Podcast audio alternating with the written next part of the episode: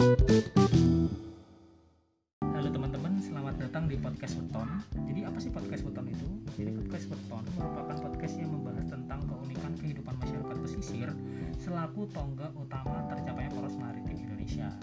Nah, sebelum kita mulai ke bahasannya, ada baiknya kita perkenalan dulu nih. Jadi perkenalkan, namaku Astoni, aku dari Bali. Saat ini aku sedang menempuh pendidikan di Universitas Gajah Mada, tepatnya di Perikanan. Dan juga partnerku, Yuk. silakan. Perkenalkan, namaku Willy Medi. Aku juga sekarang menempuh pendidikan yang sama seperti Astoni, perikanan. Asalku dari Batam.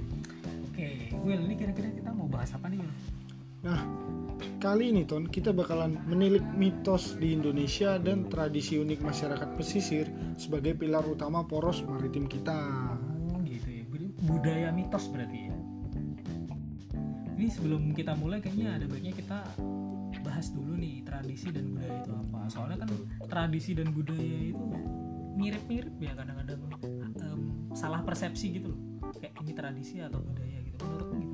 Nah, memang kaitannya itu sangat erat Ton. Mereka saling bersinonim satu sama lain. Karena tradisi itu merupakan hukum-hukum, adat, norma-norma yang berkembang di masyarakat dan diwariskan secara turun-temurun dari generasi hingga ke generasi sekarang. Sedangkan budaya itu merupakan gaya hidup, cara hidup, lifestyle masyarakat yang berkembang disepakati oleh masyarakat itu. Dari itu tradisi itu berevolusi menjadi budaya yang kita kenal saat ini. Oh, gitu berarti tradisi dan budaya itu sebenarnya dua hal berbeda yang tidak dapat dipisahkan Betul. berarti. Seperti dui tunggal Iya, berarti. duit tunggal benar sekali, Ton. Nah, ini menarik banget ya budaya mitos di Indonesia ini sangat banyak ya seperti yang kita ketahui. Ini menurutmu apa aja nih mitos? Hmm, kalau kita berbicara mitos dan budaya yang yang kita kenal lah ya di laut, maritim. Nah, kita berbicara soal ini aja. Pasti kau pernah dengar, Ton. Nyi Roro Kidul. Oh iya benar banget Nyi Roro Kidul. Aku yakin banget itu pasti apa masyarakat Indonesia pasti semua eh, hampir semua mungkin ya tahu tentang Nyi Roro Pasti. Kidul tersebut. Menurutku. Ini sebenarnya tahu nggak kamu kalau misalnya Nyi Roro Kidul dengan Kanjeng Ratu Kidul itu sebenarnya dua entitas yang berbeda. Oh, ter- berbeda. Iya berbeda. Jadi menurut pakar retrokognisi Om Hao, jadi sebenarnya di kerajaan pantai selatan atau kerajaan laut selatan itu ada empat tokoh utama. Salah sa- salah duanya ya itu adalah Kanjeng Ratu Kidul sebagai ratunya dan juga Nyi Roro Kidul. Jadi mungkin kenapa Nyi Roro Kidul itu lebih dikenal mungkin karena eh, ada kaitannya dengan jabatannya beliau selaku pepatih luar. Nah dalam hal ini mungkin bisa kita gambarkan sebagai Menteri Luar Negeri ya. Hmm. Jadi yang paling sering keluar itu Nyi Roro Kidul jadi mungkin beliau yang lebih sering diketahui oleh orang seperti itu.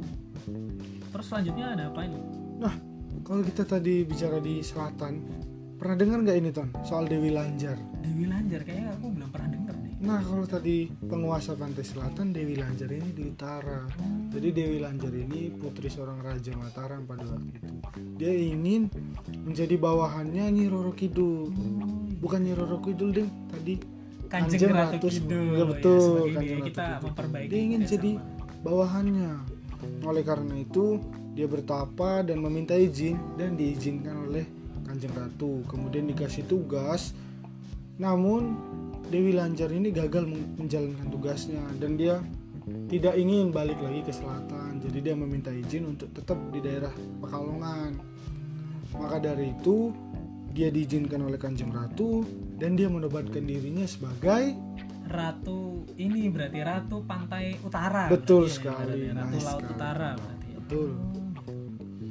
Berarti ini saling berhubungan ya antara Iya. dua da- dua mitos di daerah yang berbeda gitu ya saling. bahkan dua hal yang berbeda tapi mitosnya berhubungan Hmm. luar biasa sekali negara banget ya, Indonesia Selanjutnya ada apa nih, Win? nah kalau tadi kita di Pulau Jawa kita nyebrang dulu nih ke daerah Kalimantan Uh, Kalimantan ya. pernah dengar nggak soal Ratu Junjung Bui Ratu Junjung Buih itu sepertinya aku pernah denger deh. iya aku juga pernah dengar nah jadi Ratu Junjung Bui ini dia itu penguasa Selat Karimata Hmm, oh iya itu ada ada hubungannya dengan apa namanya jatuhnya pesawat Air Asia dulu Iya gitu ya? betul betul betul. Nah itu dia.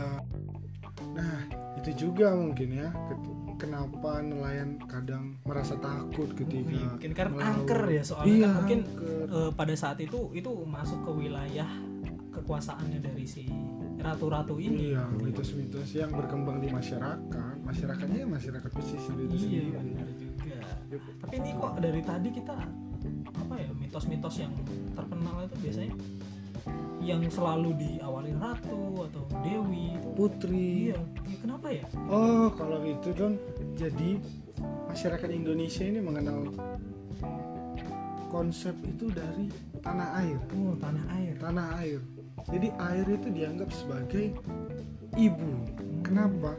Karena di situ tanah ada karena tanah airnya tadi ibu pertiwi ya Ibu Pertiwi. Betul sekali Astoni. Ibu Pertiwi. Nah, ibu itu dianggap sebagai figur orang yang lemah lembut, penyayang, penuh kasih sayang. Nah, juga ibu itu berperan sebagai pelindung, penyusui, pemberi kehidupan. Hmm, Dan iya. air itu adalah kehidupan. Iya benar juga ya kan apa masyarakat pesisir atau nelayan itu kan suka nyari penghidupan dari Yeps, laut itu ya. Betul. Mungkin dari mit- budaya mitos ini akan muncul suatu tradisi yang unik gitu ya mungkin. ya. pasti dong. Hmm, gitu. Nah, itu juga yang ingin aku tanyakan.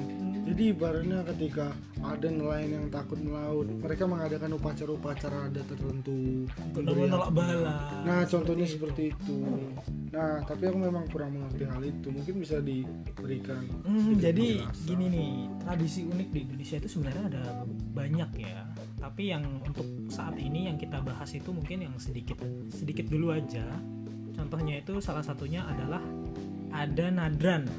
Jadi nadran ini merupakan suatu ritual untuk seperti apa namanya memberikan hasil Oh. hasil apa ya tangkapan atau gimana Oh, gitu ya mungkin nadran itu ya. Nah, Nah itu tuh sebenarnya menurut nelayan Cirebon itu eh, berasal dari kata nazaran. Nazar itu kan dari bahasa Arab.